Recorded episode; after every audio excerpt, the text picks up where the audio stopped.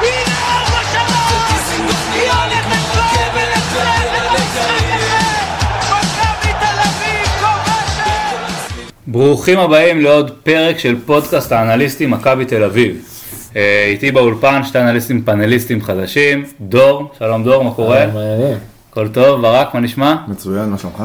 מעולה. אה, פרק קצת שונה, פרק של פגרה, אה, לא יכולנו להשאיר את, את עצמנו עם שבועיים בלי פרק, גם לא את המאזינים עם שבועיים בלי פרק. אה, פרק טקטי, פרק לעכברים, פרק של ניתוחים. אנחנו בעצם רוצים לראות ולחשוב מה קרה למכבי, מה ההתפתחות המקצועית של מכבי עם קרסטייץ' מתחילת העונה. אה, מהתחילה שהוא הגיע, סליחה, לא מתחילת העונה. אה, בואו נתחיל איזושהי סקירה כללית, התחלנו עם ה-343 שהתחיל נגד סכנין, שלא התחיל היה עם ה-1-1 נגד סכנין, החזקנו ככה עד אחרי המשחק עם מכבי חיפה, משם הפועל באר שבע, 433, 432, 4231, אה, לדי הרבה משחקים, עד שהגיע יובנוביץ', משם 442 יהלום, שמשלבים מדי פעם את ה-442 קווים, נגד חדרה, 352, ואז נגד סכנין במשחק האחרון, עשינו סיבוב שלם והגענו לתיקו נוסף מגעיל עם סכנין. בשלוש עם, חמש שתיים. ב, בדיוק, ב-352 באמצע, לפני זה היינו באיזשהו מערך כן. אסימטרי, 433, כן. סוג של. ונראה, אה, נדבר על הכלים אה, שיש למכבי, מה צריך לעשות ואיך לשפר. אה, ועכשיו חוזרים להתחלה, ודור בוא נתחיל איתך. ספר לנו קצת על השלוש ארבע, איך התחלנו, איך יצאנו לדרך עם קרסטייץ'. אז יצאנו לדרך עם קרסטייץ', האמת אני אגיד שאני חושב שלא ידעתי איך לאכול אותו מההתחלה. זאת אומרת, אה, מהרגע של ה-343 הזה אמרתי, אוקיי, מזכיר קצת אפילו את, אה, לא יודע, בלגיה של יורו 2000, לא יורו 2014, 2018 נראה לי, אה, שמשחקים כזה עם אה, כנפיים אה, מאוד ברורים ושלושה בהגנה.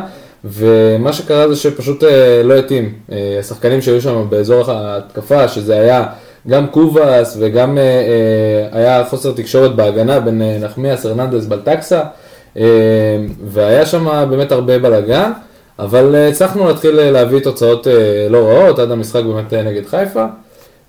לדעתי שם זה איפשהו קצת נתקע, חיפש פתרונות אחרים, גם נראה לי שם עלה הרעיון ליובנוביץ', אני מאמין, ועברנו לבאר שבע, מה שאמרת.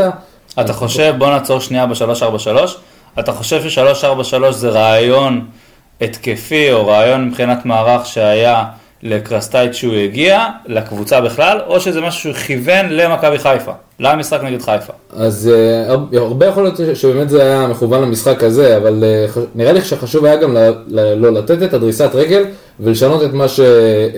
יו- סליחה, מה שהיה עם ברק יצחקי ומה שהיה עם אה, פטריק, שכאילו הכוונה הייתה מאוד אה, לדפוק משהו שהוא טיפה שונה, להראות אה, גם לשחקנים שיש לו, יש כאן נוכחות של מאמן דומיננטי, אה, וגם בעיקרון למכבי חיפה הוא באמת בא מכוון עם הדבר הזה, זה גם עבד לו בחלק גדול מהמשחק.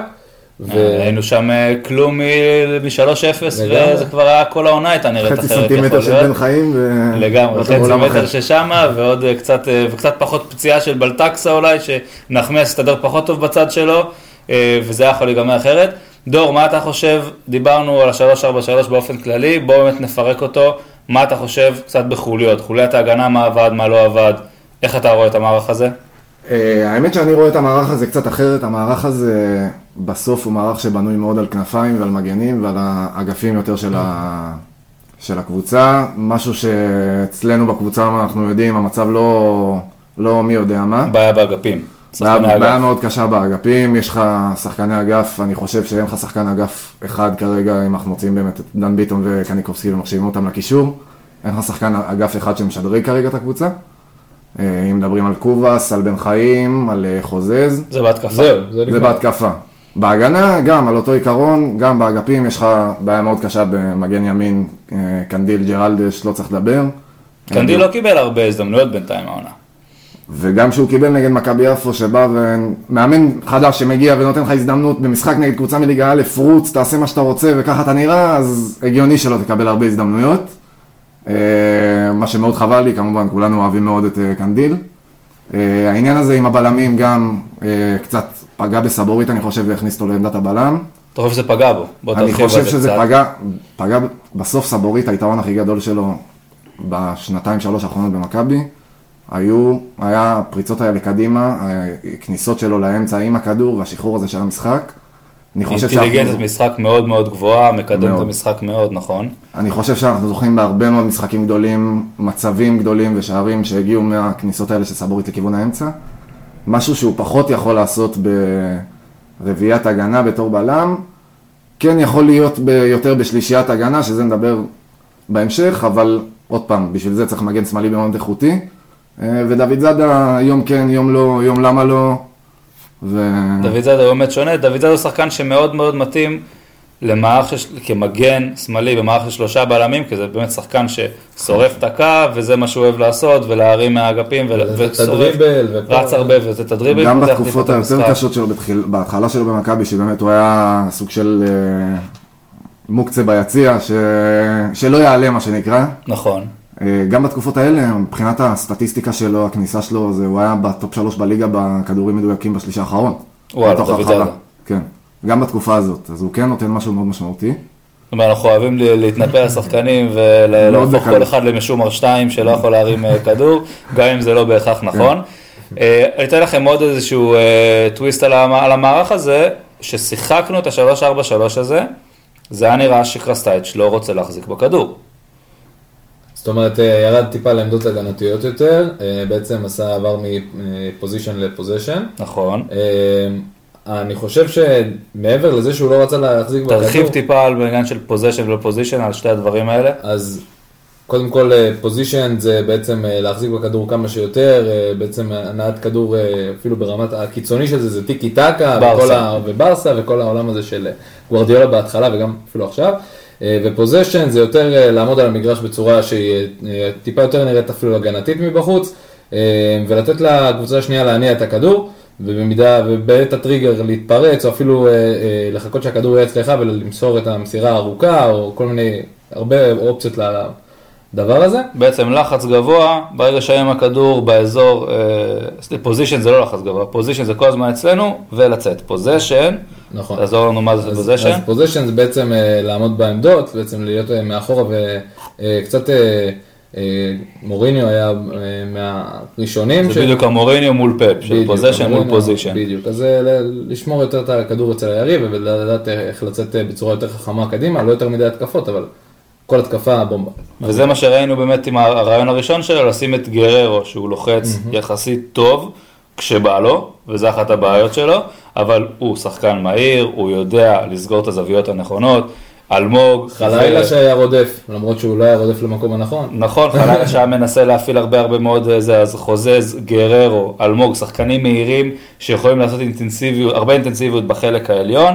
אה, אז שהם ילחצו, קניקובסקי שהוא מפעיל לחץ מצוין, אה, גולסה שגם כן אה, קצת הלך לאיבוד, אולי ננסה לדבר ולהבין מה קרה איתו אה, לאורך הדרך בעצם. דוד זאדה וג'רלדה, שני שחקנים שיכולים לשרוף את הקו וגם לעשות לחץ גבוה. זה מה שרצינו בהתחלה, לתת לקבוצה השנייה את הכדור, להגיד, וראינו את זה לאורך כל הזמן עם פ- ופטריק וגם עם יצחקי, שמכבי לא ידעו מה לעשות עם הכדור. ולדעתי באמת קרסטייץ' רצה להיכנס ולהגיד, חבר'ה, עזוב, לא רוצה את הכדור, זה לא מה שמתאים לי. יש לי שחקנים מהירים, חזקים, שיחסית איכותיים, בואו, כמה שאנחנו לא יורדים ומייללים על אה, חוזז, אין המון שחקנים בליגה שהיית רוצה בסגל שלך אה, במקומו כשחקן מחליף. אה, ברור שלא פותח, אבל כאיזשהו שדרוג לסגל, אתה כנראה לא תביא את ה top, את אצילי לא יבוא לשבת לך על הספסל, וכשחקן סגל משלים, יש לו את מה שהוא נותן, מאוד התקפי, אה, מאוד מסכן את השער, נותן דריבלים טובים, נופל הרבה הרבה הרבה יותר מדי, יש לו הרבה דברים שהוא צריך לעבוד, אבל יש גם דברים שהוא עושה טוב. אז זה מה שהיה נראה באמת בהתחלה לי, שקרסטייץ' מנסה לעשות, אבל איך שסיימנו את חיפה, הלך לגמרי חזר אחורה למשחק של פוזיישן, והלך ל-4-3-3, נגד באר שבע. נגד באר שבע זה היה המשחק הכי קיצוני שבאמת, נגד אה, באר שבע שיחקנו עם שמיר, גלאזר וקוניקובסקי, השלישייה הכי אינטנסיבית באמצע שאנחנו יכולים להציע כרגע. משמעית. חד משמעי, אין שאלה. אה, ואז היה את המשחק ה-1-0 קלאסי נגד באר שבע, אה, מאוד איטי, מאוד אה, זה, לא מספיק, מהר, לא מספיק הזדמנויות, לא מספיק, אה, אה, הרבה פחות מהיר ממה שהתרגלנו לראות עד אותו רגע. ואז הוא נשאר על זה. מה אתה חושב דור על ה-4-3-3? איך מכבי רצה לשחק אותו, שינית קצת את ה...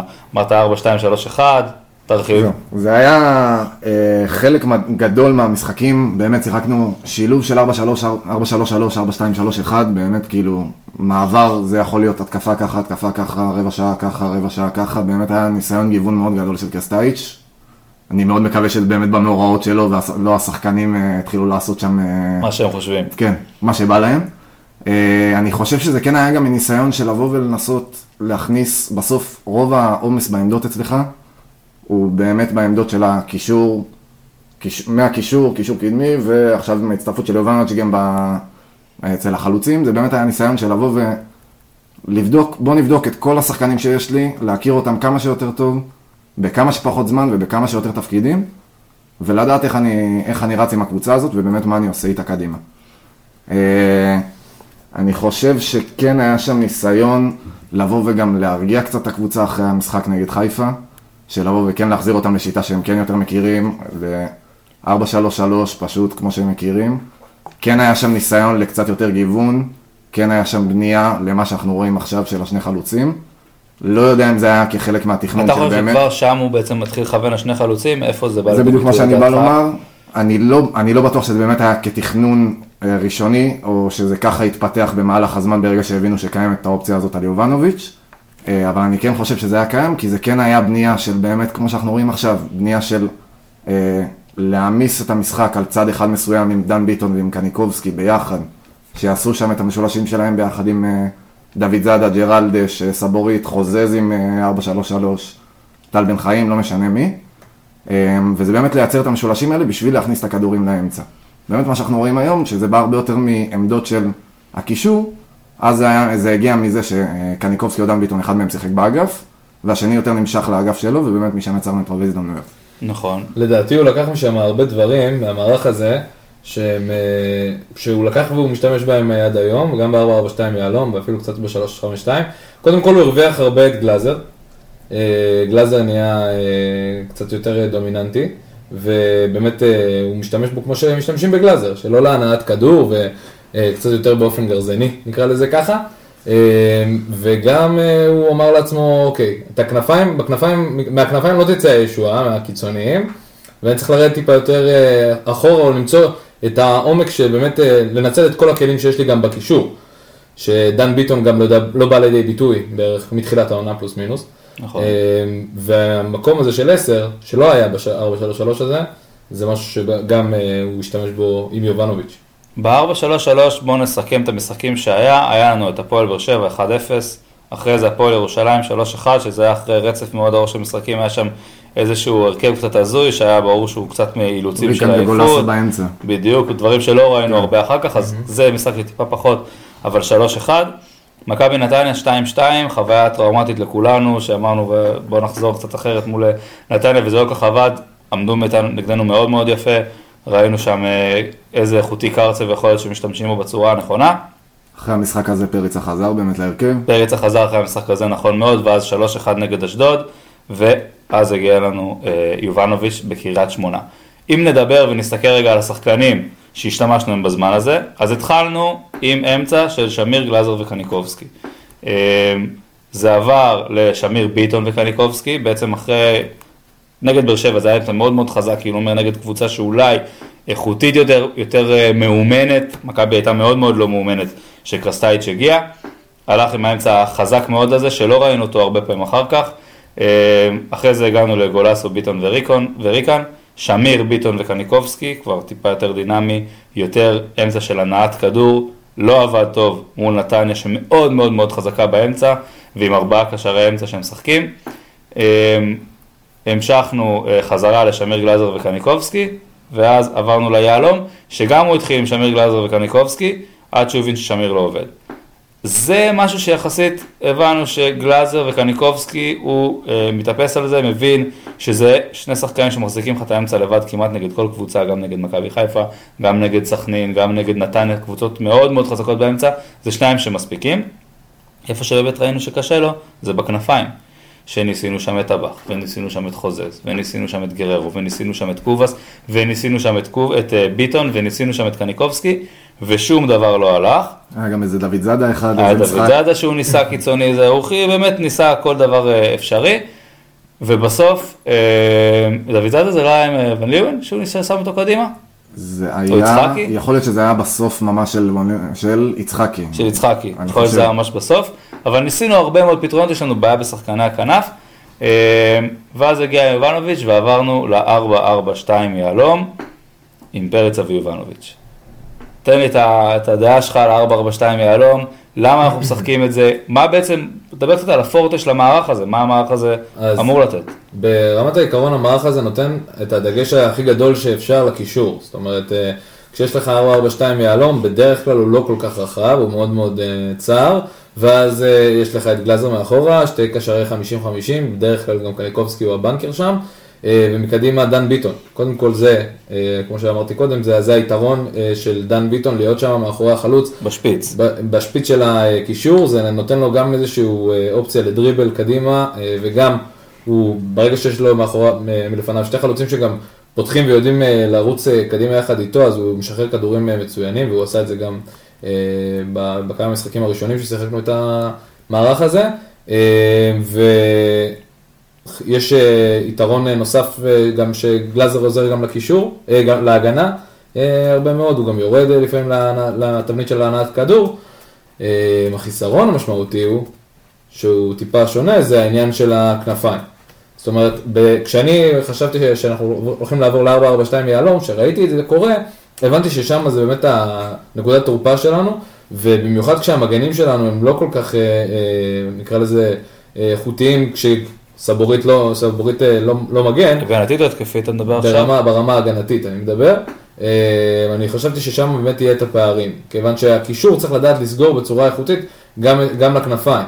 אז מה שהוא ניסה לעשות בהתחלה זה באמת אה, לזרוק את קניקובסקי ואת שמיר זה היה לכנפיים, לנסות לעזור שם, אה, זה קצת לא הסתדר, לא הסתייע, ואז ניסה גם להשתמש, לעשות קו הגנה של, בעצם לרדת לקווי הגנה של 442, אה, קווים יותר, ושם זה עוד איכשהו קצת הסתדר. לטעמי עדיין יש איזשהו פער מאוד גדול ב, ב, אה, באיכות שיש לנו באופן, בצד של המגן הימני, וזה הנקודת תורפה המשמעותית שלנו במערך הזה. ברמת החוזקות, כשיש לך שתי חלוצים כמו יובנוביץ' ופריצה, אז אתה יודע לרוץ קדימה איתם ולמסור את הכדורים אה, לגובה, גם אה, עשה את זה הרבה פעמים קניקובסקי שפתח לאגף וכל מיני כאלה. אה, כשאתה יודע למצוא שם את הכדורי רוחב האלה, אז אתה עושה, אתה מרוויח מזה המון. דור, אני רוצה לשאול אותך, לא דור, ברק, אני שואל אותך, ב-442 יהלום, יש לנו באמת בעיה אה, עם הכנפיים ואיך עולים יורדים. איך אתה חושב שהנעת כדור שלנו ב-442 יהלום, איפה הנקודות תורפה שלנו שם, מה הנקודות החזקות שלנו שם, איך בעצם מכבי מניע את הכדור כשהיא משחקת את ה-442 יהלום. אני חושב שמבחינת, אם מדברים מהבילדאפ, מהשוער, אה, דבר ראשון, גם, בוא נפצל את זה גם לכדורים ארוכים, הרבה יותר קל להשתלט עם השני חלוצים, גם כדור ראשון, גם כדור שני, וגם רביעיית קישור שמגיעה מאחור לכדור השני של השני חלוצים. אה, אז זה מבחינת כדורים ארוכים, וגם זה יציאה להתקפות מעבר הרבה יותר פשוטות. בעצם חוזרים קצת ל-3-4-3 של משחק מהיר, יוצאים מהר מאוד קדימה. בדיוק. גם ראינו שבמשחקים שיחקנו את זה, היינו יותר קרובים לפוזיישן של 55% ולא 65-70 שאנחנו רואים. בדיוק.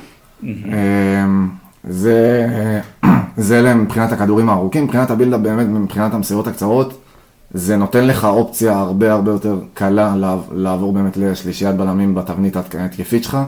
ולשלוח. שגלאזר יורד בעצם אחורה, נכנס בין הבלמים. גלאזר, אגב, לפעמים זה גם היה קשר אחר שבא אפילו ברמת הקניקובסקי שהגיע לשם ופתר רגע, לפעמים, שעושה נכון. רגע סדר שיש בעיה בבילדאפ.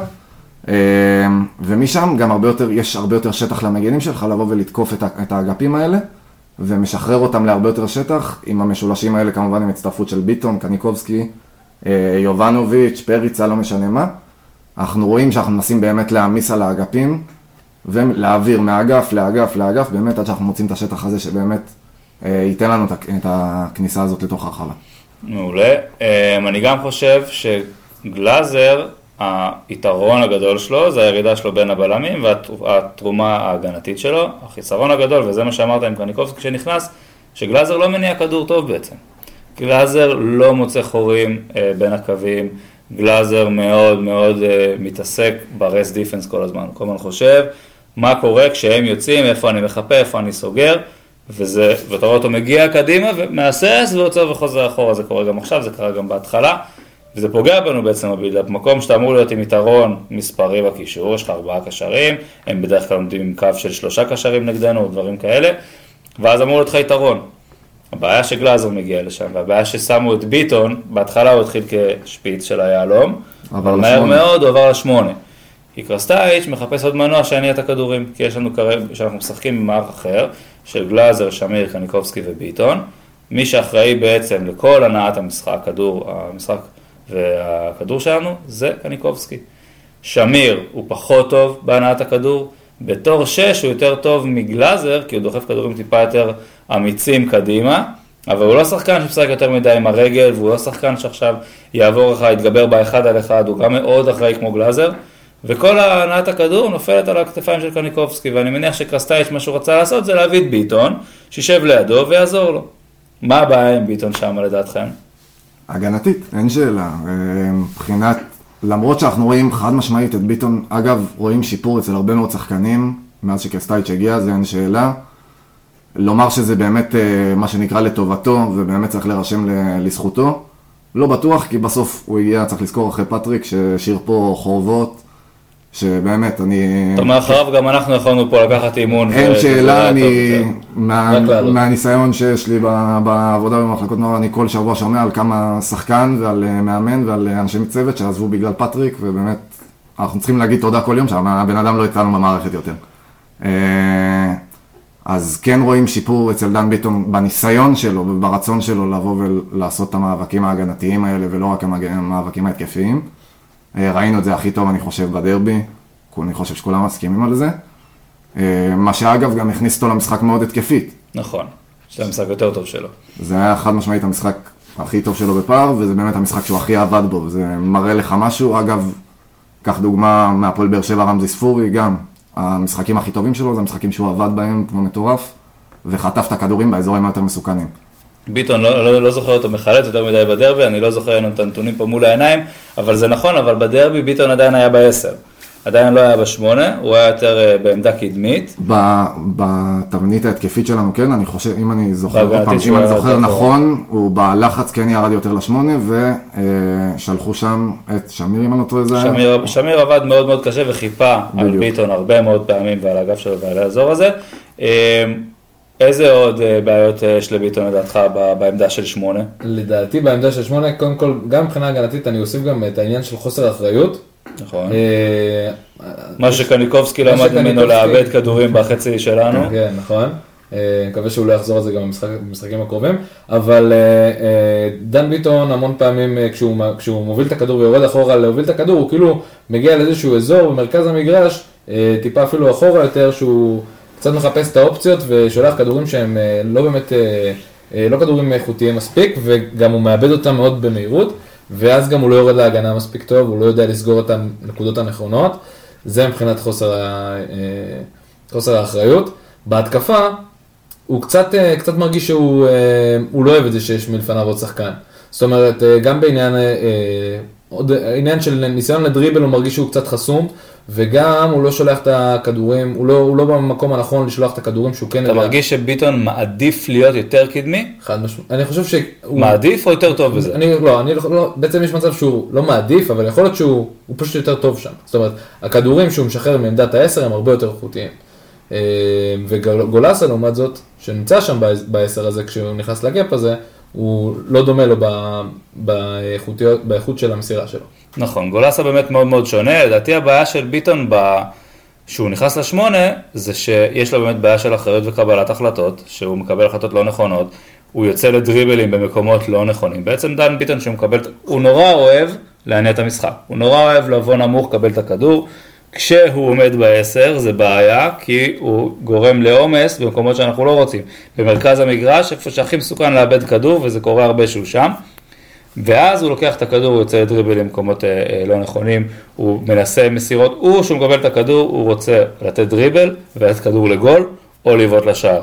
מוביל את הליגה בכמות איומים פר דקות, מחוץ לרחבה, אה, מסכן המון את השער גם בדקות יחסית מעטות שהוא משחק, אבל הכדורים האלה הם כדורים קשים, וכשאתה נותן אותם 50, 60, אפילו 40 מטר מהשער, האחוזים שלהם מאוד נמוכים. מצד שני, כל הבישולים שלו והשער, השערים שיש לו אה, מגיעים מקרוב מאוד מאזור הרחבה, מאזור ה-25-20 מטר מהשער, מהרמות, שהוא מרים מאוד מאוד איכותי והוא מנסה לשחק בצורה מאוד מאוד טובה, כשהוא מגיע לאזור הרחבה הוא עושה פעולות מסוכנות, כשהוא יותר רחוק, אז היה לו את הדריבל נגד הפועל תל אביב, שאני טוען שזה הדבר שהכי פגע במכבי אה, העונה, שהוא נתן את הדריבל הזה, לקח את הכדור, עשה את דריבל הפס highlight. עם, אה, בדיוק עם פריצה, ועכשיו הוא יורד ומתחיל את המשחק מנמוך יותר, זה לא, אה, רוב הפעולות האחרונות שלו לא מגיעות משם, ויש בעיה שמשחקים איתו בשמונה, לדעתי זה פוגע בהנעת כדור, הבעיה היא, את מי אנחנו שמים שיניע כדור אני במקומו? חושב שזה בדיוק הבעיה. העניין פה, גם מה שאמרתי מקודם על קניקובסקי שלמד קצת מדן ביטון, הבעיה פה שכרגע אין, חוץ מאולי סבורית, ושניהם באמת גם קניקובסקי ודן ביטון, אין לנו שחקנים שיודעים לשבור קווים ולקדם לנו את המשחק, כמו שצריך ובאופן קבוע. כן, יש מדי פעם שלא יודע, בלטקסה אה, מחליט שהוא נהיה לי מוסר אומן ושולח כדורים על אה, 50 מטר, ושולח את אה, או נחמיאס. אה, אבל אין- שלפעמים זה עובד, אנחנו מנסים... לפעמים, אבל זה לא משהו לבנות עליו, במיוחד לא ביכולות שאנחנו רואים, אה, לא מנחמיאס ולא מבלטקסה ב... זה כלי. נוסף, זה מה שאמור להפתיע. בדיוק. אה, אני חושב שבעצם, חוץ משניהם, ועוד פעם, סבורית גם, תלוי במשחקים, איך הוא, איך הוא מגיע למשחק, אין מי שיבוא וישבור את הקווים האלה, ואין מי שיעביר את כובד המשחק בעצם לחלק ההתקפי, שזה מה שאנחנו רוצים שיקרה, ודווקא בגלל זה הם מגיעים מאוד אחורה, ומגיעים, כחלק ממה שדיברתם, שגם גלאזר, הבעיה שלו בבילדאפ, בגלל זה הם מגיעים מאוד אחורה, והרבה פעמים צריכים לעשות את הדריבלים שם. אני מסכים, דן ביטון יש לו בעיה מאוד קשה בעניין הזה, אבל הרבה פעמים זה לא- לאו דווקא באשמתו, במיוחד עם קניקובסקי, כי הם פשוט מוכרחים לעשות את זה בשביל לקדם את המשחק של מכבי. יש איזה פעם, פעמיים במשחק, שנראה כאילו לסבורית ל- כבר אה, נמאס, הוא לוקח את הכדור מעמדת הבלם, דופק את הדריבל, ומנסה לשלוח כדור ארוך. איזה פעמיים במשחק, כאילו הוא חייב לעשות את הדבר הזה, כאילו הוא מרגיש ששום דבר לא זז, וזה באמת נובע ממה שאתה אומר. אבל זה, שהוא עושה את זה, זה מצוין. זה מצוין. אפשר לבנות על זה גם כתבנית ענת כדור מסוימת. נכון, ואז גלאזר יכול לרדת. אחורה. גם סבורית עושה את זה טוב, גם בלטקסה עושה את זה טוב. עוד מעט נגיע לאיך אנחנו משתמשים בכלים וביכולות האלה בצורה יותר טובה, אבל אה, אני מאוד מסכים איתכם שיש לנו, מכבי עדיין תקועה בשטף של המשחק ולא מצליחה לייצר מספיק מצבים לחלוצים האיכותיים שלה ולחלק הקדמי שהוא כן איכותי, גם טל בן חיים שהוא לא מה שהוא היה פעם, עדיין איכותי ונותן בכמות דקות המעטה שיחסית שהוא משחק מספרים לא רעים בכלל. אה, בטח פריצה ויובנוביץ' מספרים מצוינים, קובאס אפשר לנצל אותו הרבה יותר, ביטון וקניקובסקי כבר עם שבעה בישולים כל אחד מהם, אה, מקום שני בליגה אחרי אצילי ביחד, חייבים לעבור אותו, חייבים לבחור אחד מהם ושיעבור אותו, לא משנה מה עושים. אה, וצריך לראות באמת איך אנחנו ממנפים את היכולות האלה שלהם. בואו נדבר בקצרה על ה-352 ואיך ראיתם את זה, אחרי זה אני רוצה שנדבר קצת על כלים שיש לנו. 352, דור, תתחיל. אה, 352, אני לא יודע אם להסתכל על המשחק האחרון, אבל אה, מה שהפריע לי ב-352 אה, נגד חדרה, אה, היה שקצת, אה, אה, זה נראה כאילו אנחנו משתלטים על המשחק הרבה יותר, זאת אומרת הקישור, אה, הוא כאילו מקבל את האופציות יותר בכנפיים, אבל אה, לדעתי זה פוגע בכמה שחקנים, לדעתי גם הראשון ביניהם, שהוא לא יכול לשחק במערך כזה, זה גלאזר, שמרגיש שהוא קצת כלוא, בעצם מחפש את עצמו ב- בתוך הקישור, לא יודע לאן ללכת, אה, והכנפיים ב-352 הם מאוד דומיננטיים. אה, יש לזה יתרון מהצד של דוד זאדה כשהוא משחק, אבל מצד ימין אין לנו פתרון לדבר הזה. ושם זה, זה איזשהו... אה, טל בן חיים הוא לא פתרון טוב לזה לדעתך? לדעתי לא. למה לא? כי... כש- בואו שנייה נפרק כדי לעזור גם לאנשים להבין, כשאנחנו מדברים על 352, אני רגע אעשה איזושהי פתיחה, תשלים אותי, תגיד מה נראה לך עוד חסר. שלושה בלמים, בטח שסבורי משחק שם באמצע שיכול להניע את הכדור ובעצם לקחת את התפקיד של השש-שש קלאסי בדרך כלל מה אנחנו מצפים ממנו, להניע את, את המשחק ולהיות גרזן בהגנה, למנוע ריצות של שחקני הריבה בין הקווים, בין קו ההגנה האחרון שלנו לבין קו ההגנה השני, בדרך כלל מסתדרים בשלושה קווים, אז בין השתיים האחרונים. אז גלאזר פחות טוב בזה, ושם יש לנו את סבורית שיכול להיכנס לדבר הזה. ב-352, גלאזר יכול דווקא להיות זה שלוחץ קדימה מאוד מאוד גבוה, כי זה הוא עושה טוב, לא עושה את זה מספיק, כי הוא תמיד מרגיש את הצורך לרדת אחורה, אבל הוא כן יכול לעשות את הדבר הזה. אבל שוב, אם נדבר על 352, אז אנחנו מדברים על שלושה בלמים, בלם ימין, בלם שמאל, שיכולים ועושים את זה הרבה פעמים, תומכים במגן שיוצא, ואז בעצם עושים איזושהי אסימטריה. הצד שדרכו אנחנו יוצאים, בלם אחד יוצא קדימה, הופך להיות מגן ימני, יחד עם שחקן כנף, ואז אתה בעצם מקבל איזשהו צד חזק של שני שחקני קו.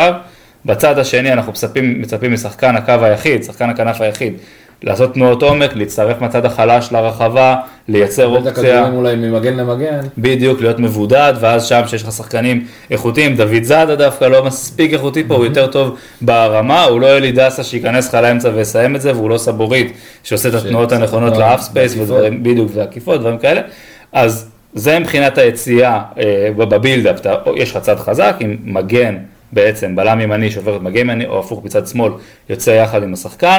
שני חלוצים, אין מה להרחיב, שני חלוצים שעומדים ברחבה, ספציפית פה פריץ זה שאמור יורד יותר אחורה ולתת את המסירה, אבל כשאנחנו מדברים על המערך עצמו, אז שני חלוצים שעומדים באמצע, ושלישיית קישור שיכולה להיות מורכבת בדרך כלל ב-352 כזה, מאיזשהו קשר אחורי מגלאזר אצלנו, ועוד שני קשרי שמונה שעושים את הלינקאפ בעצם אה, בין ההגנה להתקפה, ואז אפשר או להעמיס על צד אחד מאוד וליצור צד, צד חלש בבידוד מסוים, או אחרת. עכשיו בתוך הדבר הזה שזה הנעת כדור הכללית, בהגנה מצד שני יש לך שלושה בלמים שיוצרים איזשהו עודף כוח על שני החלוצים או על אם יש שלישייה התקפית אז לוקחים שחקן על שחקן ואז שני שחקני הכנף והקשר האחורי מייצרים איזשהו עומס הגנתי מאוד טוב, אני מאוד אוהב את המערך הזה בגלל הגמישות שהוא מייצר. עכשיו, בתוך התבנית הזאתי, איך השחקנים שלנו בעצם באים לידי ביטוי ולמה אתה אומר שזה, שיש לנו חולשות בעצם. אז, אז כמו שהתחלתי לדבר על טל בן חיים, לטעמי, קודם כל מבחינה הגנתית, אה, ההגנה זה, זה טוב ש, שאנחנו משחקים שלושה ואנחנו באמת יכולים לסגור עליו שם, אבל מי שסוגר עליו זה, זה נחמיאס. שהוא לא מספיק טוב בלסגור. אז זהו, שהוא לא מספיק טוב בלסגור והוא גם, אה, יש לו המון המון אה, מצבים של חוסר אחריות במשחקים, אה, בעיקר האחרונים, לא בעיקר האחרונים, דווקא בחודשיים האחרונים נקרא לזה, וגם המסירות שלו לא כל כך אה, מספיק, לא מקדמות בכלל אפילו את המשחק, אה, אבל ברמת טל בן חיים, לטעמי קודם כל, אה, כשהוא רוצה מאוד, אז זה נראה שכאילו הוא יכול להצליח בעמדה הזאת. אה, כשראינו אותו באמת רץ ומתחרה על הכדור וקופץ ועושה את כל הדברים האלה באמת אה, ברמה של אה, אינטנסיביות גבוהה, אז הוא יכול לעשות את זה. הבעיה שלי גם קודם כל בעניין ה... כשהוא חוזר להגנה. אינטליגנציה הגנתית וסגירות לא נכונות. כשבלם יוצא אז הוא לא יודע לסגור מאחוריו, ראינו ראינו את זה במשחק האחרון, אה, ודברים כאלה זה יכול מאוד להוביל לאסון, וגם בעניין הזה של ההתקפה, מרגיש לי שטל בן חיים הוא כבר, אה, כשהוא לוקח את הכדור לאגף, הוא הרבה, פעם, הרבה פעמים אה, מתמהמה עם הכדור, עוצר אותו בערך באזור של קצת לפני הרחבה בצד ימין, לא, עוצר, חושב מה הוא צריך לעשות, ואז הוא בעצם מנסה להיכנס ל half space, בעצם האזור שקצת יותר קרוב למרכז, לקו המרכזי של המגרש, ומשם הוא מרים איזושהי הרמה, אז נכון, שיוצא לו הרמות לא, לא רעות, אה, גם היה במשחק האחרון הרמות לא רעות משם, אבל זה קורה אחת, פעמיים למשחק, וזה לא מספיק כשאתה, כשמדברים אה, על זה שרוב ההתקפות נעות דרך האגף שלו, ולא דרך דוד זאדה. ולא דרך דוד זאדה, כמו שהיה במשחק האחרון. ברק, מה אתה חושב על ה... האם טל בן חיים יכול ללמוד ולהתפתח לתוך התפקיד הזה, לעשות איזושהי הסבה לשחקן כנף? זה לא כזה הסבה גדולה, הוא שחק שחקן כנף התקפי כל החיים, בדרך כלל בצד שמאל, אבל אה, יש לו שתי רגליים חזקות, זה לא אמור להיות המכשול. איך אתה רואה את טל בן חיים בתוך, ה... בתוך העמדה הזאת וכפתרון בכנף? אני אגב חייב לומר לגבי מה שדור אמר, העניין הזה של טל בן חיים שמקבל את הכדור ועוצר אותו ומחכה, זה ראינו אותו, את זה ממנו גם כשהוא היה בכנף, לא רק כשהוא היה במגן, הוא מאט מאוד מאוד את המשחק, אני כן איבד חושב... המון את הביטחון מאז הפציעה שלו בצ'לסי. המון המון המון, אה, ובכללי, שנתיים שלוש הוא לא שיחק אה, כדורגל, נכון. זה לא, זה לא הולך ברגל. אה, לגבי המעבר הזה ספציפית, זה מעבר, יש סיבה שזה מעבר שקורה בדרך כלל, אם הוא קורה מכנף למגן, הוא קורה במחלקות נוער בגיל 14-15, אה, באזור הגילאי נערים ג' נערים, נערים ב', שעוד פעם, שאתה רואה שאין מספיק יכולות התקפיות כמו שצריך, אה, אז אתה שולח את הכנף להיות מגן, הכי פשוט. השאלה אם זה באמת יכול לקרות לשחקן שרץ כבר בקריירה מפוארת של אה, 10-13 שנה כשחקן כנף לבוגרים, אם הוא יכול בגיל 30 פלוס לבוא ולעשות את השינוי הזה למגן. הלוואי שקרסטייץ' יצליח, אני רואה שיהיה מאוד קשה, משהו, זה משהו שעם את העונה הזאת אפשר לשרוד איתו. הכל בסדר, ובכל מקרה אליפות זה כרגע מילה די גסה. אה, אף אבל- פעם לא מילה גסה. אבל אה, לקראת העונה הבאה, אני לא רואה סיבה ש... אולי כמגן ימני מחליף, אבל אני לא רואה סיבה שטל בעצמו ירצה להישאר בתפקיד הזה במכבי. לעונה הבאה נגיע עוד מעט, בואו נדבר עכשיו על עוד, אה, מה עוד עכשיו על המערך הזה, בואו תנתח אותו מעוד מקומות, איזה עוד אה, חולשות יש לנו בו, איפה, מה החוזקות שלנו בעצם במערך הזה מבחינתך, של השחקנים שלנו. אני חושב, אה, דבר ראשון נגד חדרה היה ניסיון מאוד מעניין של קרסטייץ'. אה, עוד פעם, זה היה משחק אחד, באמת צריך להבין עוד פעם ולראות קדימה, כי במערך, נגד סכנין לא שיחקנו במערך הזה, אה, רוב המשחק. נכון. אה, אז נגד חדרה היה ניסיון הדקות. הטובות שלנו אבל היו במערך הזה לדעתי. חד משמעי, ואני חושב שהיו צריכות, החילוף הזה היה צריך להגיע הרבה לפני עם דוד זאדה, נדבר בהזדמנות אחרת.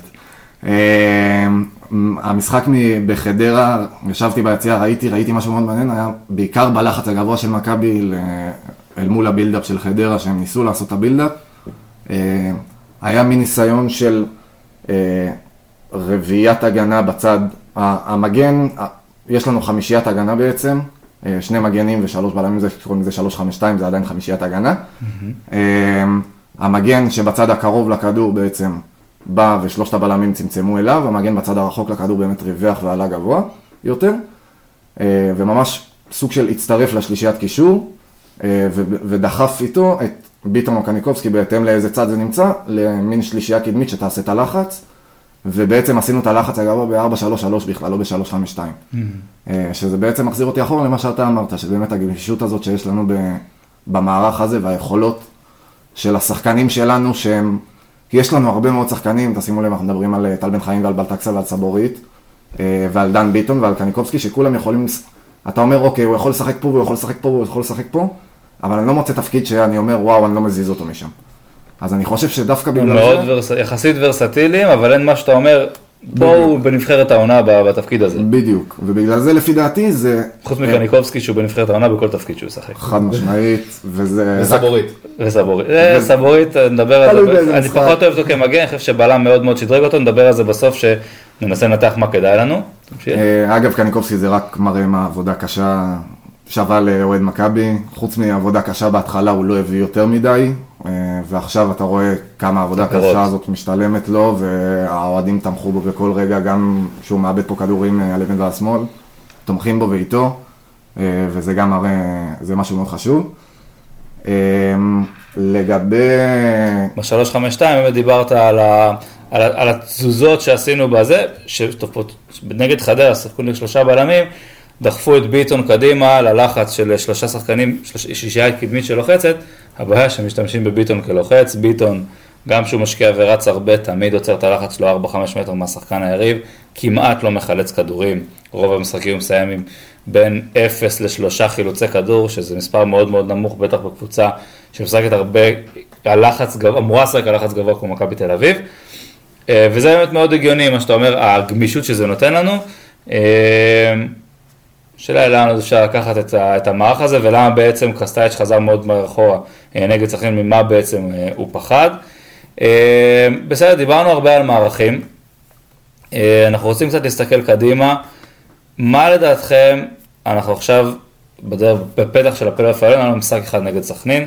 שיחקנו בו בצורה מוזרה, שוב, קרסטאיץ' מראה לנו שאנחנו לא יכולים לרגע לשבת, להירגע ולהגיד, אוקיי, הנה ככה מכבי משחקת. אם אתם קרסטאיץ', באיזה מערך אתם משחקים, ומה הסיבות. אני רוצה שממש תפרטו לי, תעזרו לנו לחשוב מה הכלים, במה השחקנים שלנו הכי טובים. דוגמה, אני מאוד אוהב את המעבר של אה, סבורית להיות בלם, בגלל האינטליגנציה ההגנתית המאוד מאוד גבוהה שלו. אני חושב שכשהוא ובלטקה משחקים, גם אם הם שני בלמים, בטח אם יש להם בלם שלישי, מאוד קשה לעשות למכבי גול.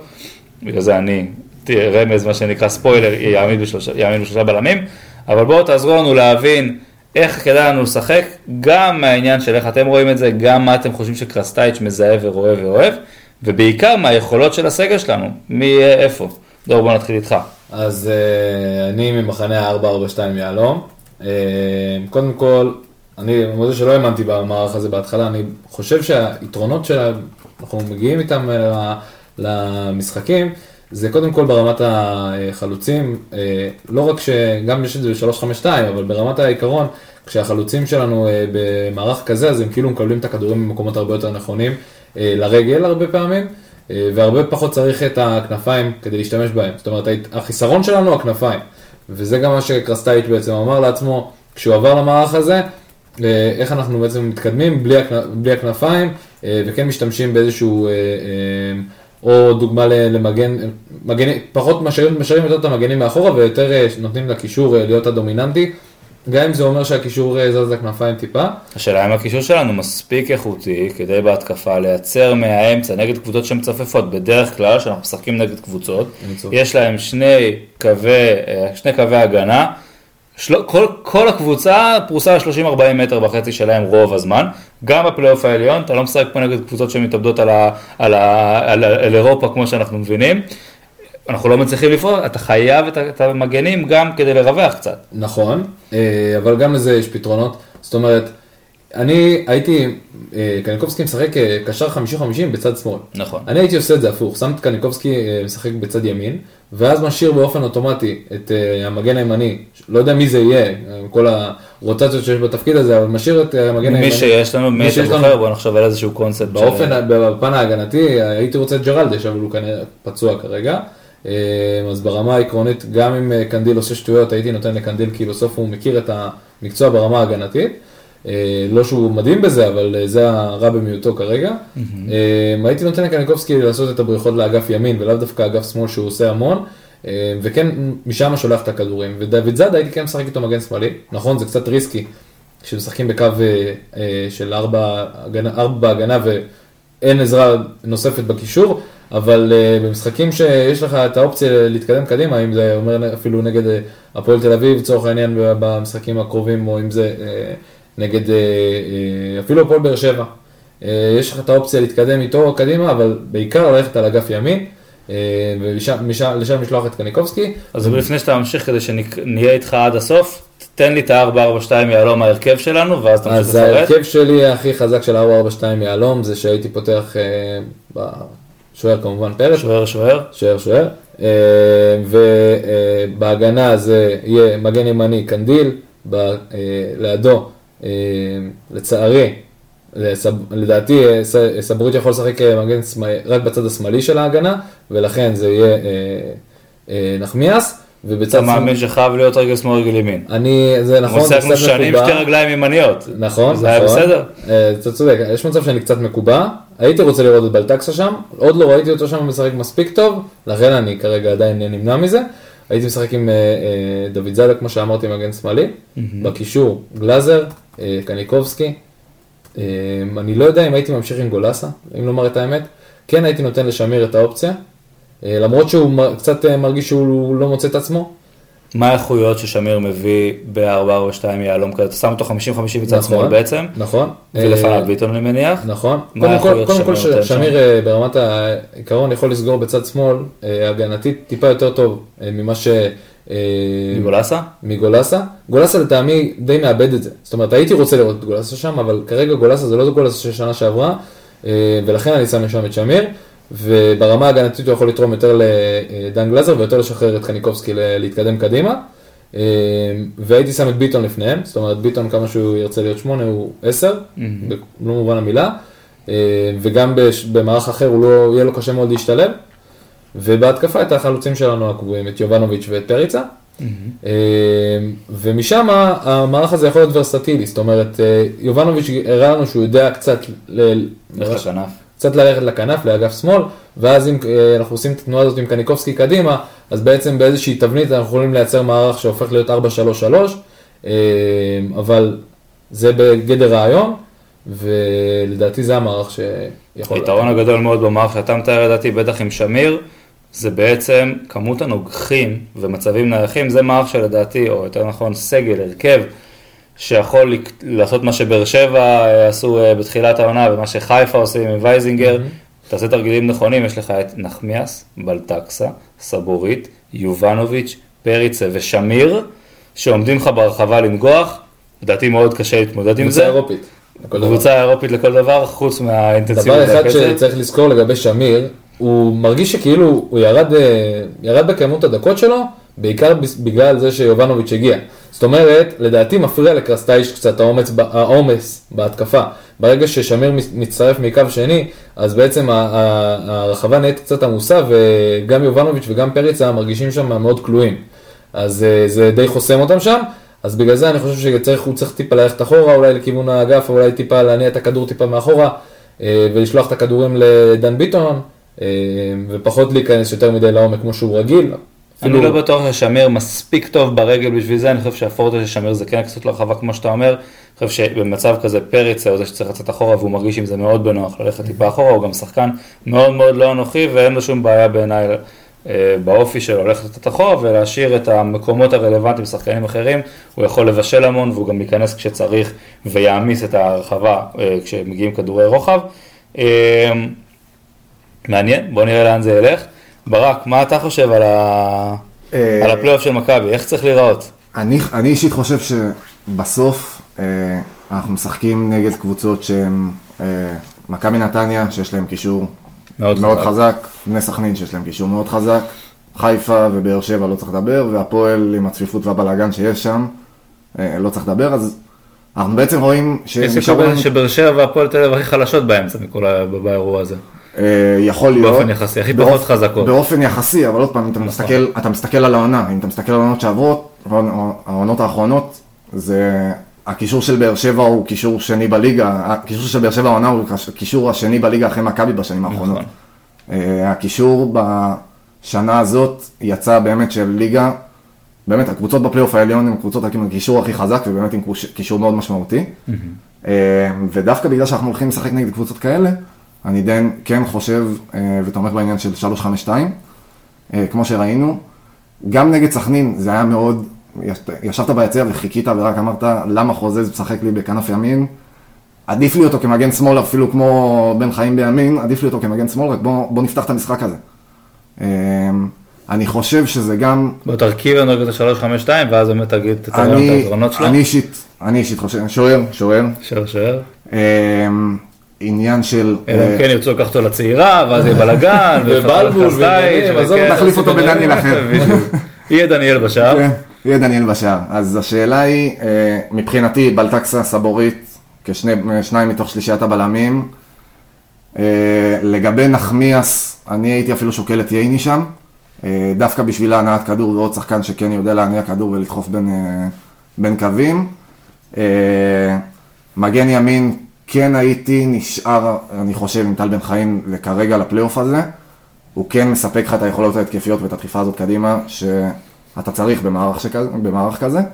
אה, מהצד השני, אה, דוד זאדה, אה, אותו דבר כמו טל בן חיים, מספק לך את היכולות ההתקפיות האלה. גלאזר בשש, מעליו ביטון וקניקובסקי, והצמד חלוצים שלנו. אה, אני חושב שדבר ראשון, מה שדיברנו חזרה אחורה בתחילת את התוכנית, ביטון וקניקוב שם באותה מדרגה בשלוש האלה? שניהם שמונה? או שאתה עושה אה, איזשהו... אני, כן, באותה מדרגה, אבל כהוראה טקטית, מה שנקרא, משחרר את ביטון יותר. ביטון שחקן חופשי כזה. ביטון שחקן יותר חופשי, אה, אני מתחיל איתם כן באות, באותה עמדת מוצא, אבל ביטון שחקן יותר חופשי וכן שיטייל בין הקווים. קניקובסקי כן, אני אומר לו יותר לשמור על האמצע. ביטון טוב בלטייל. כן, הוא אוהב לטייל. בדיוק. אז אני חושב שבחזרה לתחילת התוכנית, מה שדיברתי על אה, סבורית, על היציאות שלו קדימה, במערך כזה זה באמת מאפשר לו לצאת קדימה, כי אתה באמת יכול להשאיר גם שני בלמים מאחוריו גם אחרי שהוא יוצא, גם גלאזר יכול להישאר שם מאחורה, או כל שש אחר, כרגע זה גלאזר, אמ, ובאמת אתה משחרר את סבורית. אמ, דבר שני, נחמיאס, ובכללי האיכות שלך בהגנה היא לא מספיק טובה, וכמו שווילי הגדול אמר, אם אין לך איכות בהגנה, צריך עם שלושה בלמים. נכון. אז אה, בואו נשחק עם שלושה בלמים. אה, מגנים, באמת יש לנו מגנים מאוד התקפיים. כרגע זה ה- היכולות, מהמגנים שיש לנו, אין לנו מגן כרגע, אולי ג'רלדש, אה, בשיא כושרו. כן, זה ג'רלדש אולי בקטנה ב- ביכולת הגנתית תורם לנו, אבל אין לנו מגנים שתורמים לנו הגנתית, ולפי, דעת, ולפי דעתי אז לפחות שיתרמו הת- התקפית. ובגלל זה המערך הזה כן מתאים להם, ובגלל זה זה גם חיים ודוד זאדה. אה, וזה מאפשר לך באמת כמו לשלוח המון המון שחקנים קדימה. אה, זה לא כמו ברביעיית הגנה, שאתה בא ואתה משאיר ואתה נשאר מאוד חשוף מאחורה. אה, אתה כן נשאר עם שלישיית בלמים, במקרה הצורך גם גלאזר נשאר שם מאחורה, או עוד איזה קשר, ואתה יכול לצאת עם כל שאר השחקנים קדימה, אה, ולהרגיש להרגיש קצת הרבה יותר רגוע. אז אני מסכים איתך לגבי המערך, הייתי משתמש בו טיפה אחרת. אני חושב, קודם כל חשוב מאוד להגיד שמערך של שלושה בלמים זה ממש לא מערך הגנתי, זה מערך מאוד מאוד מאוד. התקפי יכול להיות, זה מאוד משנה איך אתה משחק איתם. מכבי הראתה לנו שכשהיא משחקת, בטח עם קרסטייץ' במערך של שלושה בלמים, אחד הבלמים עולה. אתה משאיר שני בלמים מאחורה, ואו נחמיאס בצד ימין, או בלטקסה בצד שמאל, עולים אה, גבוה. אני חד משמעית חושב גם מאיך שקרסטייץ' משחק, ואיך שמכבי משחקת, הוא מאמין בהתקפה. קו שלושה בלמים הוא מעולה לנו, הייתי שם את בלטקסה וסבורית, כמו שאמרתם, אה, אה, שני בלמים בתוך השלישייה הזאתי. גם בלטקסה, גם סבורית, יכולים לצאת עם הכדור ולעשות הרבה בעיות, לבלגן את המערך של היריב שלא בונה בדרך כלל בלם ששובר את הקווים ומתגבר על קו ההגנה הראשון, ממשיך לרוץ לפעמים עוד יותר קדימה, ראינו את אה, אה, סבורית נכנס ועומד ליד ה-16 של היריב בחלק מהמשחקים שהוא שיחק כבלם וגם בלטקסה עושה ריצות מאוד טובות. לגבי הבלם השלישי, אה, לי יש אה, לבטים מאוד גדולים לגבי נחמיאס או לא נחמיאס, אני חושב שהוא בעונה לא טובה. אבל אני חושב שעכשיו להכניס את שרן או את פיבן או למצוא איזה שהם פתרונות זה קצת בעייתי, אני חושב שנחמיאס משתפר, אני חושב שכל הקו הזה משתפר ולנחמיאס יש יכולות, גם היכולות, מה שיכול להיות לך במצבים נייחים, גם בהתקפה וגם בהגנה, בסוף הוא שחקן מהיר וחזק, שאם הוא יתאפס על עצמו קצת מבחינת סריקת המגרש, מה שקורה מאחוריו, מה שקורה בצדדים, אה, סגירות נכונות יותר, יציאות, לא, לא לצאת לנבדל כשלא צריך, אז הוא יכול לעשות את הקפיצת מדרגה וגם אותו קשה לעבור. רוגע ופאניקה. רוגע ופאניקה, לעבוד על הדברים האלה, לעבוד בעיקר אגב על היציאה לשחקן שאם אתה יוצא ומנסה לקחת לפניו, תדע שאתה לוקח את הכדור. יותר מדי פעמים קורה לנחמיאס שהוא יוצא לעשות מה שבלטקסה וסבורית עושים ברמה הכי גבוהה שיש. לצאת לפני השחקן, להקדים אותו, להגיע ראשון לכדור ולמנוע את כל הסיטואציה ההגנתית. הוא הרבה פעמים מאחר ולא מגיע בזמן ועוד לא עושה את הפאול הזה כדי לעצור את מה שקרה. עדיין, הייתי שם את נחמיאס וממשיך לרוץ איתו, נראה שקרסטייץ' מאמין בו, ויכול להיות שנרוויח שחקן פה להרבה שנים, אז כן הייתי הולך עם נחמיאס, בלטקסה וסבורית. אה, בשלישת הקישור, אני הייתי הולך על אחת משתי אופציות, אני קצת מרמה, אתם נתתם לכם רק אופציה אחת, אני מרמה, אבל מותר לי כי אני הכי ותיק פה. אה, או לא הייתי שם את ביטון בהרכב הפותח, הייתי מעלה את ביטון בדקה 60 כשאנחנו צריכים, הייתי הולך או על גלאזר, קניקובסקי וגולסה. כשלושה שחקנים אינטנסיביים מאוד, קצת לחקות את מה שאיביץ' עשה מבחינת אינטנסיביות, שאתה רוצה הרבה, כדור, הרבה שערים מהזדמנות שנייה ומלחץ אחרי עיבוד כדור, או בכלל מזה שיש להם שתי אופציות קבוצה שנייה, או להעיף כדורים וכל הזמן לעמוד אחורה, או לנסות להניע כדור ואז אתה מפעיל לחץ גבוה ולוקח להם. אז זו שלישייה כזאתי, או ללכת על אה, גולסה, קניקובסקי ושמיר, ששמיר עושה הצטרפויות אה, אה, עמוקות ונותן לנו איזה, עוד איזשהו אה, נופח ונדבך אה, במשחק, וכמובן שלמעלה עם אה, יובנוביץ' ופריצה, שפריצה הולך אחורה ומזין את יובנוביץ', ויובנוביץ' הרבה יותר, מבלה יותר זמן אה, באמצע ובתוך הרחבה, לפעמים קצת חילופים ביניהם.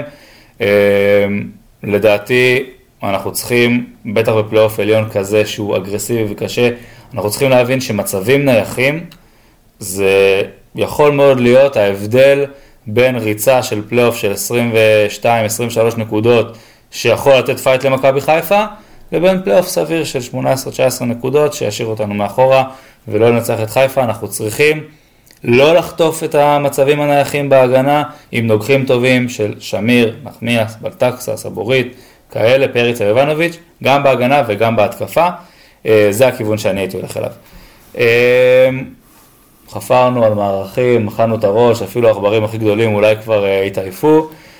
בואו נדבר קצת, לפני שאנחנו מסיימים, על הפרוספקטים הנוספים, שחקנים צעירים, מושאלים, שחקני נוער וגם שחקנים מכבי, אני רוצה לשמוע אתכם קצת ההתייחסות שלכם לאלמוג, יחסנו לאן, האם אתם עוד מאמינים בו ומה עוד יכול לתת לנו. Uh, וגם שחקנים אחרים. אני אשמח גם להתייחסויות על היכולות שלהם, מה בעצם יכולים להביא למכבי שחסר לנו, רמז, יכולת מסירה, אה, וגם איפה אתם מאמינים, איך אתם מעריכים את היכולות שלהם. אז אני אתחיל אה, עם אה, שני שחקנים. אה, אני אתחיל קודם כל ממושאל שלנו. ראשון זה גיא מזרחי, בקריית שמונה. מגן ימני שמשחק גם, שיחק גם העונה מגן שמאלי. לדעתי יש לו את העניין הזה של ורסטיליות והוא גם יודע להצטרף ממש טוב להתקפה. גם הרבה פעמים מראים מצבים נייחים. יש לו יכולת מסירה. אין לנו יכולת מסירה, הרבה פעמים, בעיקר בהתקפה, בקרוסים, אנחנו מאוד אה, חסרים בדבר הזה כשיש לך שתי חלוצים כל כך טובים, כל כך חבל שאתה לא יודע להעביר קרוסים כמו שצריך. אה, אני לא זוכר, לא יודע, לא יודע בדיוק את הנתון, הנתון הסטטיסטי של ג'רלדש העונה, אבל אני לא זוכר הרבה מסירות אה, חזקות, מדויקות שלו מהאזור שליד הרחבה לבפנים, ובזה הוא מצוין. יש לו אה, 57% בדריבלים מוצלחים, יודע להוביל את הכדור טיפה קדימה, אבל אה, באמת אה, ברמה הזאת של אה, ההגנה, הוא גם יודע לתת נופח הגנתי, גם במערך של שלושה בלמים וגם במערך אה, של שני בלמים. יש לו חסרונות שהוא אה, קצת צריך אה, ביטחון, קצת יותר, ביטחון עצמי, אה, אבל ברמת העיקרון, בתוך הקולוניה של המושאלים, הקבוצה הקטנה שיש למכבי בתוך קריית שמונה, הוא לדעתי אה, מהבולטים בהם. ו... אתה חושב שכבר השנה הבאה גיא מזרחי מתאים למכבי תל אביב? אני חושב שגיא מזרחי עכשיו יותר טוב מקנדיל, ולכן אוקיי. זה אומר שהוא יכול להיות מתאים למכבי תל אביב אה, ברמת המחליף אה, אה, כבר בעונה הבאה. אוקיי, איזה עוד שחקנים לדעתך יכולים לשדרג את מכבי תל אביב? אם היית יכול אפילו להביא אותם לפלייאוף העליון עכשיו, גם in-house, נוער אה, בתוך הסגל הבוגרת וגם מושאלים, מי היית מביא מחר מי- מי למכבי? הייתי מביא מחר למכבי? כדי לשדרג אותנו בפלייאוף העליון, מה שחסר לנו.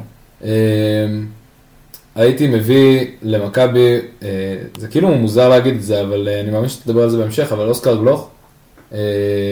למה זה מוזר לדעתך? זה מוזר להגיד כי הוא... אנחנו לא רגילים לזה. זאת אומרת, אנחנו לא רגילים לזה ששחקן נוער שהוא כל כך מצוין ברמה של להעלות אותו לבוגרים, ובלי לעבור באיזושהי קבוצה בדרך, בלי לעבור איזשהו סינון. אה, אני באמת חושב שזה הכרחי. כולם יודעים מה היכולות של אוסקר גלוך, יש לו אה, ראיית משחק שהיא לא סבירה לקשר אה, ישראלי, קשר עשר אפילו ישראלי. הוא גם מוסר מסירות מצוינות. גם יודע להצטרף ולהיות מהיר עם הכדור ולעשות את ה... מנסה קצת יותר, יש לו קצת, קצת יותר מתקשה בדריבל, אבל את הכדורים הוא יודע להעביר ולמקומות הנכונים, ולדעתי הוא יכול להיות אה, שדרוג משמעותי, וגם לעשות תחרות קצת לדן ביטון בעשר, כי אין לנו עשר אמיתי. כמו דן ביטון, אולי יגידו קניקובסקי, אבל לדעתי הוא טוב יותר בשמונה. אתה לא חושב שעלולים לקבל פה גאל מרגולי 2 על הידיים אם אה, נעלה את... אה, למה אתה חושב שלא? אני- אגב, אני חושב כמוך, אבל... אה, אני חושב שלא, מכיוון שאני רואה אותו גם ברמות, אה, גם הרמה של נבחרת הנוער, רואים אותו שהוא משחק אה, וגם משתלט על המשחק, הוא אה, מרגיש שכאילו הוא יותר מוכן. זאת אומרת, הוא בא עם איזשהו ביטחון עצמי כמוביל של, הנבחר, של הקבוצת, קבוצת הנוער, ומוביל בנבחרת, ומוביל אה, בכל מקום שהוא נמצא בו, אה, וכולם יודעים שסומכים עליו, הוא עומד בלחץ. זאת אומרת, הוא נותן את המספרים שלו גם כשהוא לא, אה, גם כשהוא לא, אה, גם כשהוא, כל העיניים עליו. אה, תשמע, ברור שיש את הסיכון הזה, שחקן נוער, אני, לא, אני חושב שיש עליו דיבור הרבה יותר גדול ממה שהיה על גאל מרגוליס, וגם על אילון אלמוג, אה, ולדעתי הוא כן הפתרון.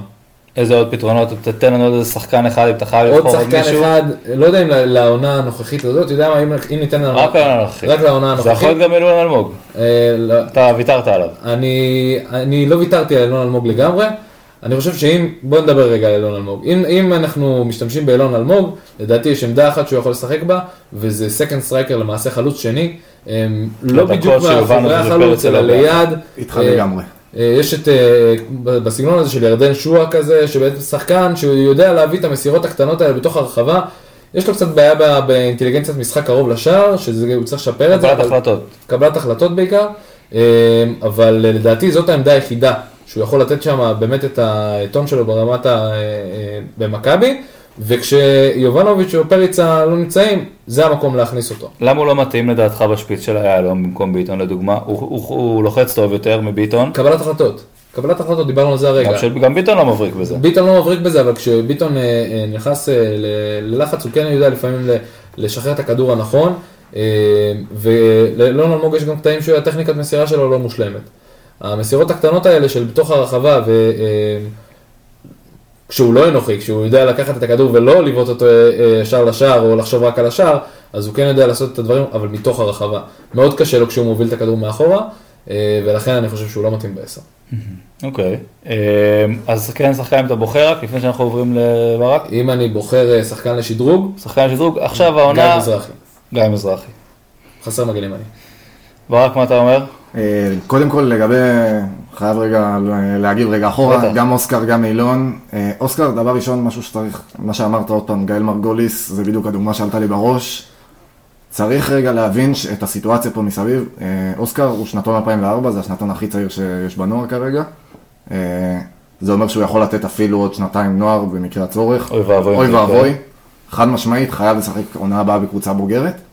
לא בטוח בכלל שזה צריך להיות במכבי תל אביב. בסוף, אנחנו עוד מעט נדבר על הסגל של העונה הבאה, אבל כמות המושאלים והשחקנים שכבר החתמנו לקראת עונה הבאה בעמדות האלה, יהיה לו מאוד קשה לקבל דקות, ודקות משמעותיות.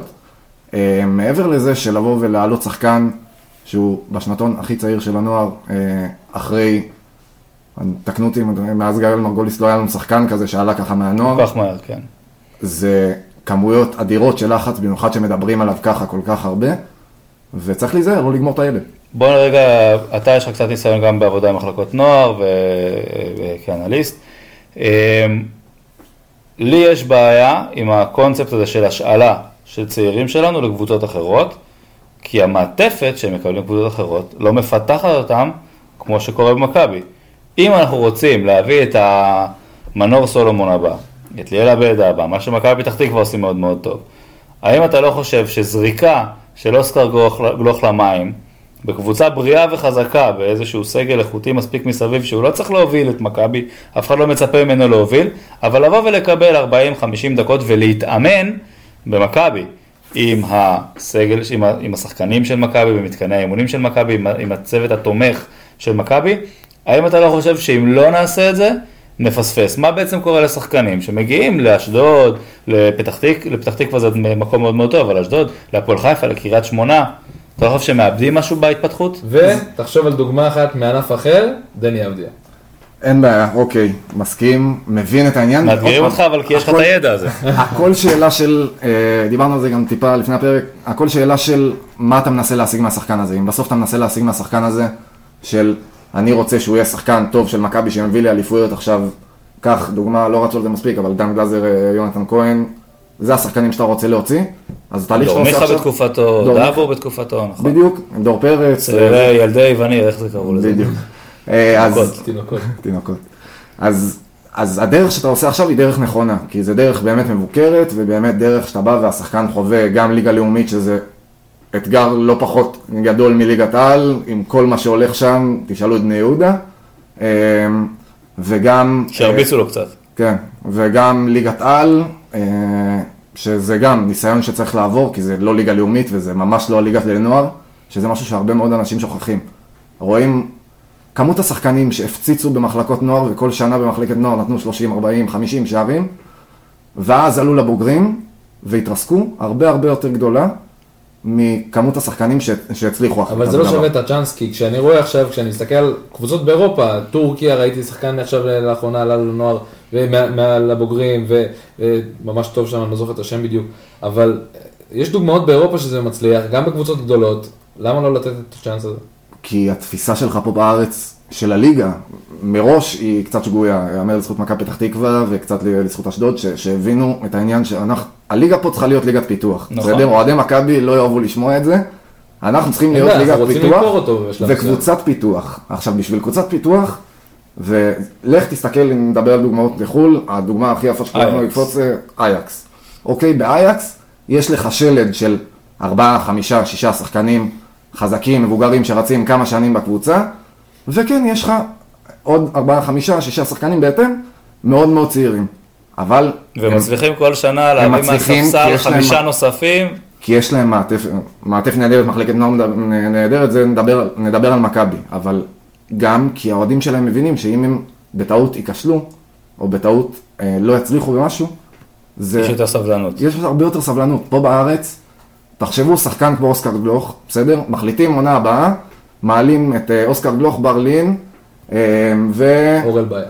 אורל באיה, בסדר? באים ומעלים ואומרים שהם רצים ביחד עם שלושה ארבעה מושאלים שלנו שעכשיו הם בביתר תל אביב בת ים, או, או גיא מזרחי דומיהם בליגה, פרפה, אה, מעלים אותם ואומרים, אוקיי, בהרכב בכל רגע נתון יש איזה ארבעה, חמישה שחקנים כאלה. מכבי באה ומביאה מסביב חמישה, שישה שחקנים שהם יכולים לסמוך עליהם, אז אוקיי, אולי זה יכול לעבוד. אבל אם עכשיו אתה מספיק שאתה נופל בשחקן אחד מהשחקנים היציבים שלך, המבוגרים כביכול, אתה פה הולך לעונה שאתה לא יודע איך, יוצא, איך אתה יוצא ממנה בכלל. נכון. מכבי אין את הסבלנות לחכות, וזה משהו, יכול להיות שהתמהיל צריך להיות קצת שונה. אה, אני מאוד מסכים, אני מאוד חושב שהוא כן יכול לעשות קפיצת מדרגה הזאת, אני חושב, כמו שאתה אומר, מאוד מסכים עם מכבי כליגת, כקבוצת פיתוח, קבוצת ביניים. התמהיל המנצח אולי יכול להיות, זה להשתמש בשחקן שתיים, לפחות בתור התחלה, ולדעתי לגמרי אפשר להריץ אותם כבר עכשיו. אה, אבל קצת סטינו מהנושא, בוא תבחר השחקנים, אתה אומר גלוך אתה חושב שעדיין לא צריך לחכות, כי אה, מכבי לצערנו לא מתכננת למכור אותו ולהרוויח הרבה כסף, אלא רוצים להשתמש בו לכמה שנים. מי היית מביא לפלייאוף העליון, מושאלים שלנו. אה, האמת שאני חייב להיות קצת לחכות את דור פה. גיא מזרחי, מבחינת מושאלים אין פה שאלה בכלל, והייתי גם חושב על בר כהן. בר כהן זה משהו שמאוד מאוד חסר לך בקבוצה, הדריבל הזה, האחד על אחד הזה. כמעט ואין לך אותו בקבוצה באופן מתמשך בשנים. אין לך את הדריבל המיוחד הזה ש, ששחקן מקבל כדור וכל היציע מתחיל להתלחשש וזה, כמו שיש לך, שהכדור באזור של הרחבה ויובנוביץ' שם. אותו דבר, אתה רוצה שיהיה לך שחקן כזה של דריבל. בר, אה, בר כהן עם מספיק ביטחון וניסיון במכבי, אני חושב שכן יכול להגיע לרמות האלה. אה, וזה במיוחד בעונה כזאת שבאמת אין לך שום כנף שתורמת לך מעבר למה שקורה עכשיו, אה, אפשר רק להרוויח ממנו. מעולה.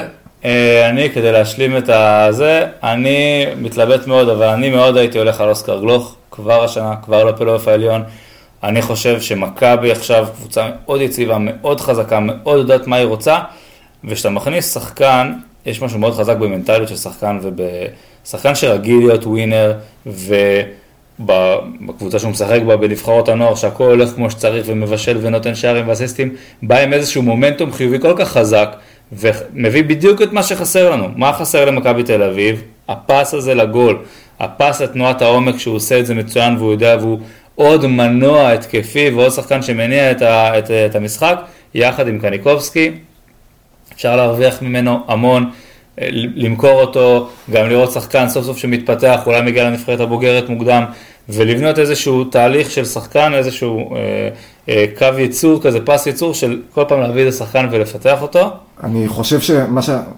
המשפט שאמרת בהתחלה זה גם, זה יכול להיות היתרון המאוד גדול לעניין הזה של המומנטום החיובי של גלוך, יכול להיות יתרון מאוד גדול של גלוך, אבל גם יכול להיות החיסרון הכי גדול של גלוך. כשדברים יתחילו ללכת קשה. בדיוק. השחקנים האלה, מה שדיברתי מקודם, השחקנים האלה שבאים ומצליחים כל הזמן במחלקות נוער והם לא ישבו רגע על החיים שלהם בספסל והם חושבים שהם כוכבי על. הם באמת חושבים שהם כוכבי על כי הם חיים בתוך חיים של מחלקת נוער שזה חיים אחרים לגמרי ומבחינתם הקבוצת נוער זה הקבוצה הבוגרת.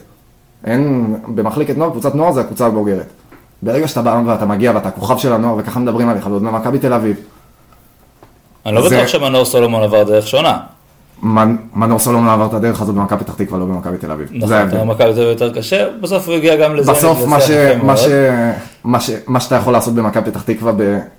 קח את הדוגמה במכבי נתניה, אתה יכול לבוא ולפתח הרבה יותר שחקנים, כי אין לך, אין לך את הבעיה, אין לך את הלחץ, אוקיי, אז מה יקרה? אז תסיים מקום שביעי במקום שישי, אוקיי. אני לא בטוח שגם זה מה שליאלה בטח חווה בסלטיק, אבל uh, אני מבין מה שאתה אומר, אני כן הייתי הולך על אה, אוסקר גלוך. והשחקן השני, שזה מה שנקרא דעה לא פופולרית בכלל, שאני הייתי לוקח לפלייאוף העליון זה אילון אלמוג. אני חושב שאילון אלמוג יכול להיות מצוין בעשר, כי הוא לוחץ טוב. תן לו חמישה משחקים. אילון אלמוג הוא שחקן של מספרים, גם אם הוא עושה הרבה, כמו דן ביטון אגב, גם אם הוא עושה הרבה טעויות במשחק, בסוף הוא ייתן לך את הגול, הוא ייתן לך את הפס לגול, הוא מספק מספרים כשהוא משחק פר דקות, העלינו את, ה- את השאלון שלנו, שחקן עם היחס דקות אה, שערים משלים הכי טוב במכבי תל אביב. אני חושב שיכול להיות לנו הרבה מאוד, גם בעמדת העשר בשפיץ, כי הוא גם לוחץ טוב, הוא מכניס אינטנסיביות, בטח אם ניתן לו את הביטחון, ובטח כחלוץ שני, כשיובנוביץ' ופרץ צריכים לנוח, או שמשהו שם חורק. אז זה שני השחקנים שאני הייתי לוקח. טוב, עוד פרק הגיע לסיומו. דור, תודה רבה, דור ביטון, ברק, בלייבר. ברק בלייברג, רציתי לטעות ב- בהגיה של השם, תודה לא רבה. פשוט, תודה רבה. אני הייתי אורן שניידר, מקווה שנהנתם, ויאללה מכבי. יאללה. מכבי.